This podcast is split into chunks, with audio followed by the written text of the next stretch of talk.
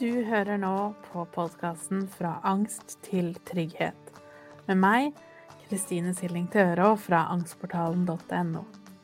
I denne podkasten skal vi snakke mer om hva angst er, hvordan du kan utfordre den, og hvorfor trygghet er så viktig.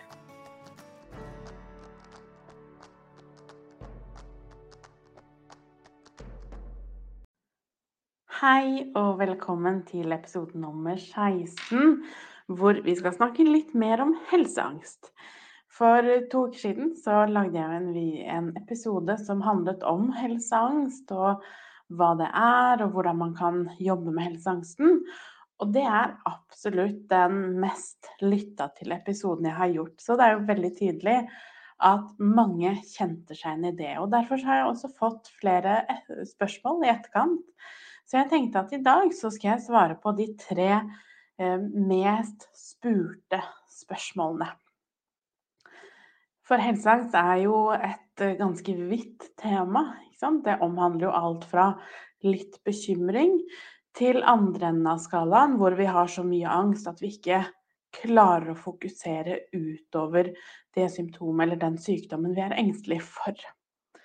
Så her er altså de tre mest spurte spørsmålene, og vi starter på spørsmål én. Og der står det Hei, tusen takk for en veldig fin podkast. Jeg har lært så mye av deg. Jeg lurer på når man burde få hjelp for helseangsten. Jeg kjenner meg igjen i mye av det du sier om helseangst, men jeg har aldri tenkt på før at jeg har helseangst. Hva tenker du om dette? Grunnen til at jeg ville ta med akkurat det spørsmålet, er at det er noe jeg ofte hører spesielt de siste to ukene etter den episoden om helseangst eh, ble lagt ut. Så mange som kanskje ikke selv identifiserer seg som noen som har angst, kjenner allikevel at dette her bruker jeg egentlig ganske mye energi på, og kjenner meg veldig igjen i. Og for meg så er dette med å snakke om angst på en veldig normal måte veldig viktig.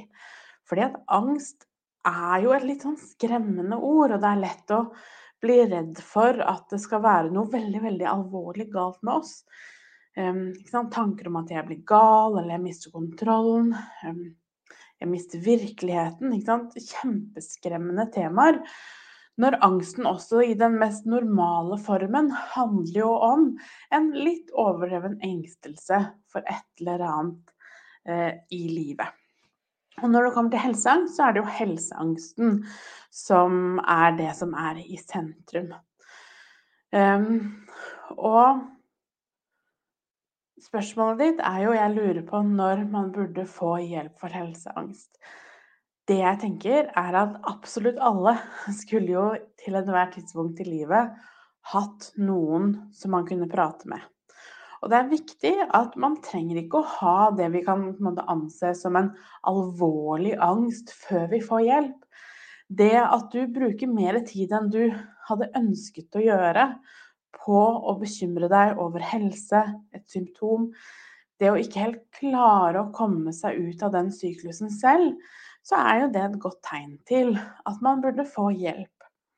Og når det kommer til hva det betyr, da, å få hjelp, så kommer jo også det helt an på. Det er selvfølgelig veldig mye vi kan gjøre selv. Så rett og slett selvhjelp. Det å lære å forstå angsten, lære å vite hva det handler om, og så lære hva man kan gjøre for å bearbeide det. Men så er det også alltid godt å ha noen å snakke med hvis man har spørsmål, eller hvis man trenger litt mer veiledning. Og det er et spørsmål etterpå, vi skal snakke mer om det som ligger bak angsten. Så jeg skal ikke si så mye om det akkurat her. Men jeg tenker at idet du får tanken om burde jeg fått hjelp for det her, så er jo det kanskje et tegn på at det burde du. Og det er absolutt ingen skam overhodet i det. Det er veldig sunt og veldig lurt. Uansett om om den angsten er helt ute av kontroll, eller om den er der og på en måte hilser på litt innimellom. Det, er, det skal ikke nødvendigvis være sånn. Så det er mulig å få hjelp til at det ikke får en så stor del av livet hele tiden. Så idet du tenker tanken, så er det sannsynligvis en god idé. Og som sagt, jeg tror egentlig alle skulle hatt sin tildelte terapeut.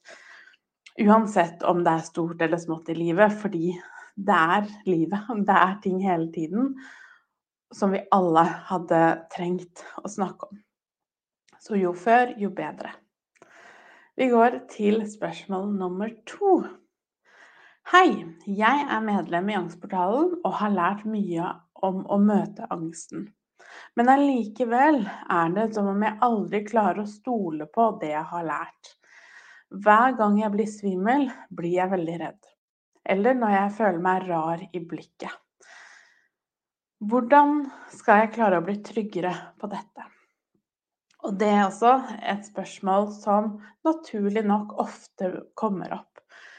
Um, og jeg ser jo det, jeg har Hver eneste onsdag så har vi spørretimer i Angstportalen hvor jeg svarer på alle spørsmål. Og da er det jo nesten hver eneste uke spørsmål som er en variasjon av dette som kommer opp.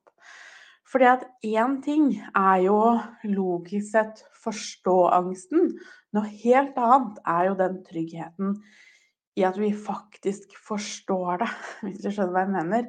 At vi forstår det rent kroppslig, og at kroppen vår og hjernen vår ikke reagerer. Og når det kommer til symptomer som det her, da, som svimmelhet eller rar i blikket, som du skriver Jeg går ut ifra at du da tenker at du eh, føler at du har litt slør foran øynene, er det mange som kan kjenne på.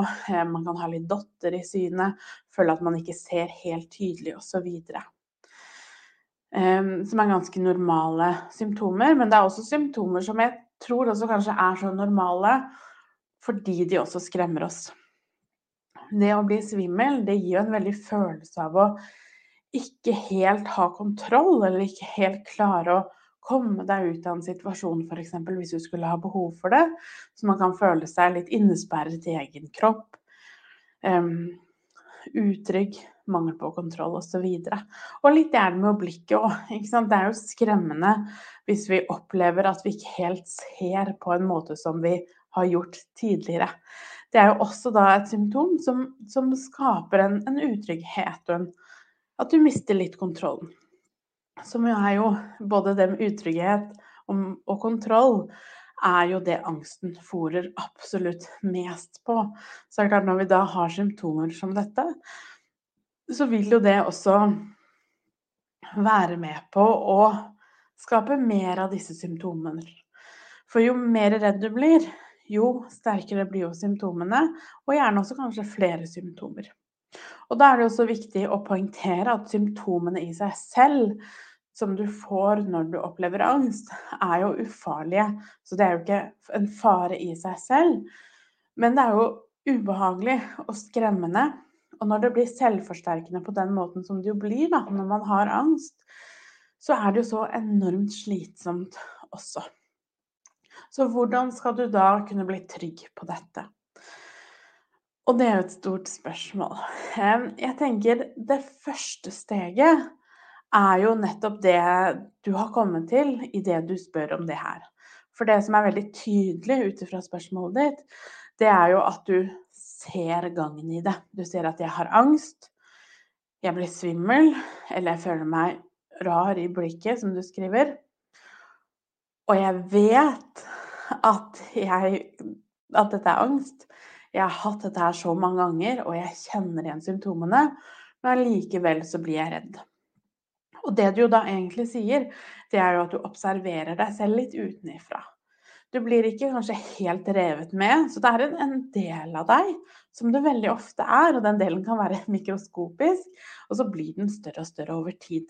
Så det er en del av deg som kjenner igjen at dette her er angst, ikke noe annet. Dette her går over, dette er ikke farlig, osv. Men fordi den delen er såpass liten enda, så er det en så mye større del i kroppen din som går rett i katastrofe.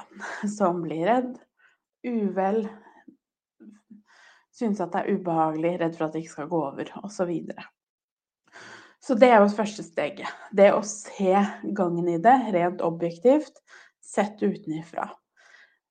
Litt sånn årsak-virkning. Når jeg føler dette, så skjer dette i kroppen. Som om svimmelheten eller det blikket er på en måte en, følelse.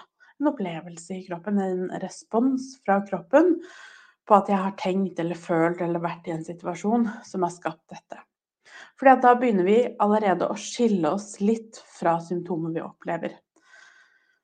Neste steg da er jo å forstå men hvorfor kommer den angsten i utgangspunktet? Hvorfor har jeg det sånn? Hvorfor føler jeg det jeg føler? Hvorfor har jeg disse tankene? Hvorfor klarer jeg ikke å gjennomføre om det er måte, det å stå opp om morgenen, om det er å gå på jobb, om det er å være sosial, hva nå enn det handler om. Hva er det som gjør at jeg hele tiden sjekker kroppen min, eller hvis jeg ser en føflekk som jeg følte kanskje var litt mørkere enn det jeg husket at den var, så klarer jeg ikke å slippe taket. Hei! Visste du at jeg har samlet alt av verktøy, metoder og kunnskap inne i angstportalen.no, sånn at du kan ha tilgang til alt samlet på ett sted. Så ta en titt der om du har lyst til å lære mer. Ha en fin dag. Hva er det som gjør, som driver den panikken? For det som er veldig typisk ved helseangst, er jo også at det er et sånn veldig snevert syn på helse. Vi har gjerne ett symptom vi zoomer inn på, eller vi har én sykdom eller tilstand som vi er ekstra opptatt av å være redd for. Ehm, og det er jo måte kanskje også litt beviset på at det du sliter med, er angst. Fordi én side av det er jo selvfølgelig at det er så mye annet vi kunne vært bekymra for, som vi ikke engang tenker på, men vi zoomer oss inn på denne ene tilstanden.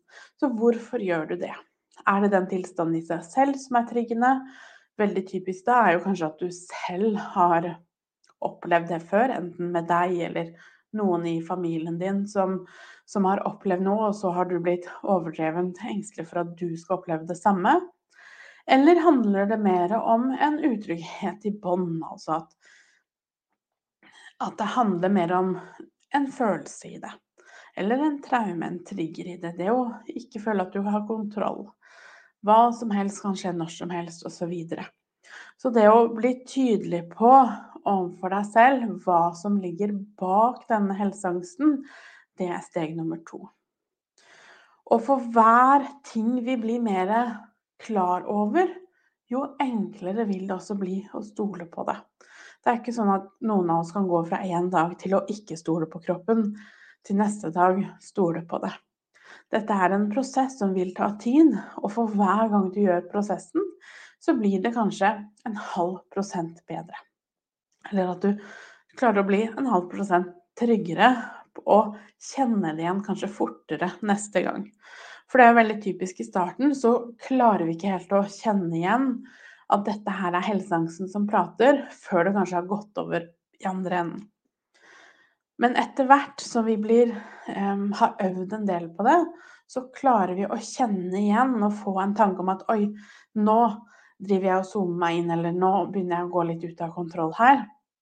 Lenge før kanskje det når toppen, eller at, sånn at vi lettere også klarer å komme oss ut av det.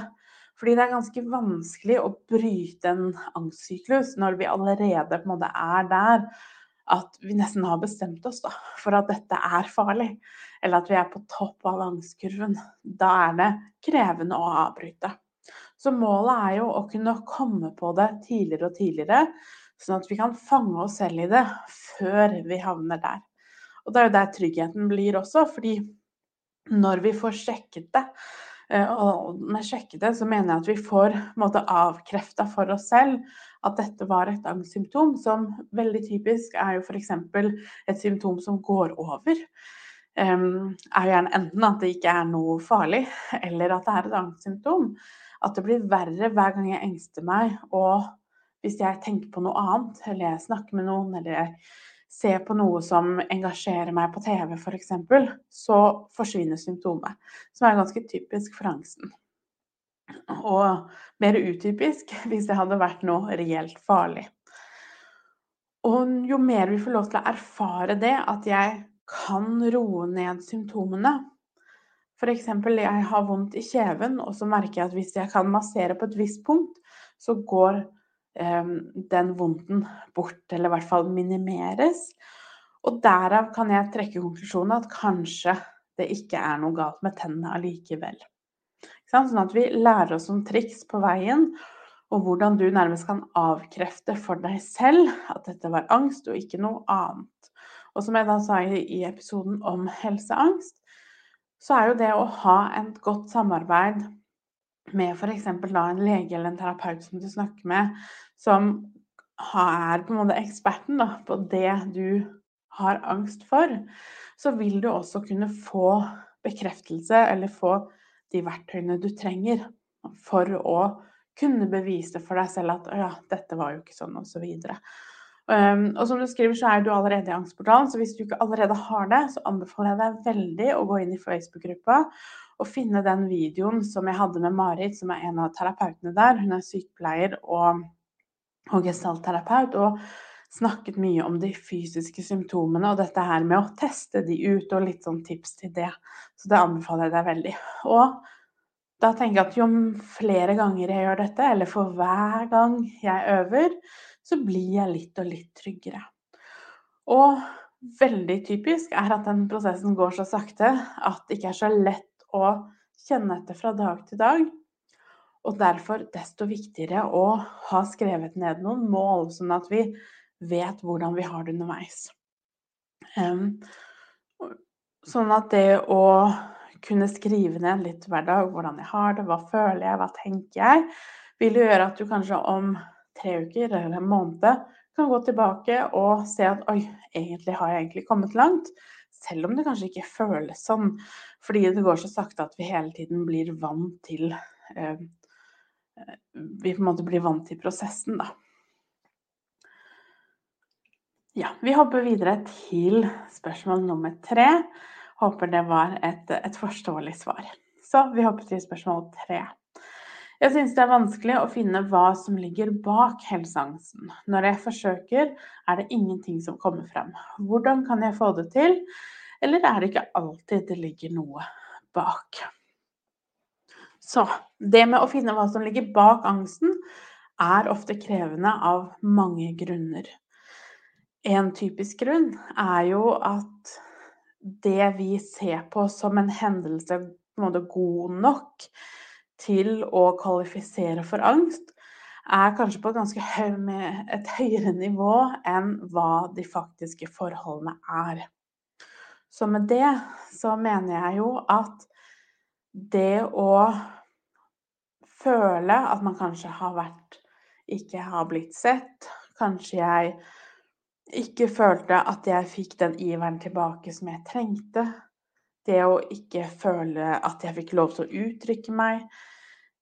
Det at jeg ikke følte at det var trygt nok for meg å dele hvordan jeg hadde det. Sånne små ting som i seg selv kanskje ikke høres så alvorlig ut, men når det skjer mange nok ganger, er alvorlig nok til at vi begynner å um, at snøballen begynner å rulle. At vi ikke får den hjelpen vi trenger til å regulere følelser, til å møte behov og alle disse viktige tingene som skal til for å være trygge, gode voksne som klarer å ta hånd på egne følelser og, og hva vi selv har behov for. Og for det som jo vanlig er, når vi snakker mye om det med å finne hva som ligger bak angsten, så er det jo ikke så rart at vi tenker da må det ha skjedd noe. Noe alvorlig. Som helseangst så må du ha opplevd en, en, farlig sykdom. Noen nær deg må ha hatt et eller annet eh, farlig som har skjedd. Du må ha vært i en eller annen sterkt traumatisk situasjon, sånn at det skal være bra nok. Og det er bare en myte. Eh, og det er jo litt som et papirkutt er jo ikke spesielt alvorlig i seg selv, men hadde du fått 1000 av de, så blir det straks mer alvorlig. Og det er litt sånn det er med traumer også. En gang hvor du ikke følte deg bra nok, trenger ikke å bety noen ting. Men når det skjedde 1000 ganger, så vil det få ganske mer alvorlige følger. Så det er kanskje den, det mest vanlige, at vi må endre litt synet på hva vi egentlig leter etter. For hvis vi leter på helt feil sted, så er det heller ikke så rart vi ikke finner noe. Videre så er det mange som opplever at når jeg tenker tilbake, så husker jeg egentlig ikke så mye. Så når jeg tenker på barndommen, så er det kanskje ikke så veldig mange ting som, som kommer frem. Som i seg selv kan være et rødt flagg, fordi det er veldig typisk hvis vi har opplevd ting som er vanskelig, så har vi jo en hjerne som er designa til å beskytte oss, og vil da fortrenge det som du ikke har godt av å huske. Og det å da få hjelp til å bearbeide det og kunne jobbe litt med de lagene, er jo også da viktig. Og angående det du skriver òg, om, om det alltid må ligge noe bak, så er jo svaret ja. Det er alltid noe. Men jeg tror nok i de fleste tilfeller det vi som voksne anser som noe, altså at det er noe bak, er kanskje på et helt annet nivå enn det barnet i deg opplevde som ikke helt greit. Og det er det det er viktig å ta med seg når vi skal um, videre bearbeide angsten. Så jeg håper at hvis du også hadde noen spørsmål som det her, at du fikk det svaret du trengte. Fortsett å spørre hvis det er noe du lurer på. og kan veldig gjerne gjøre flere episoder som det her, om konkrete spørsmål. Så bare si ifra hvis det er noe du vil jeg skal snakke om, kanskje litt mer spesifikt. For det er klart, når jeg snakker om et tema, så blir det jo veldig generelt. Og jo mer da spesifikt spørsmålet ditt er, jo lettere er det også å svare mer spesifikt. Så ta vare på deg selv. Si ifra hvis det er noe du lurer på. Så snakkes vi. For å lære mer om angstmestring og mine metoder, så går du til angstportalen.no. Du finner meg også på Instagram som Angstpedagogen, og på Facebook som angstportalen.no. Der har jeg også en gratis Facebook-gruppe hvis du har lyst til å komme i gang og bli kjent med andre som har det på samme måte.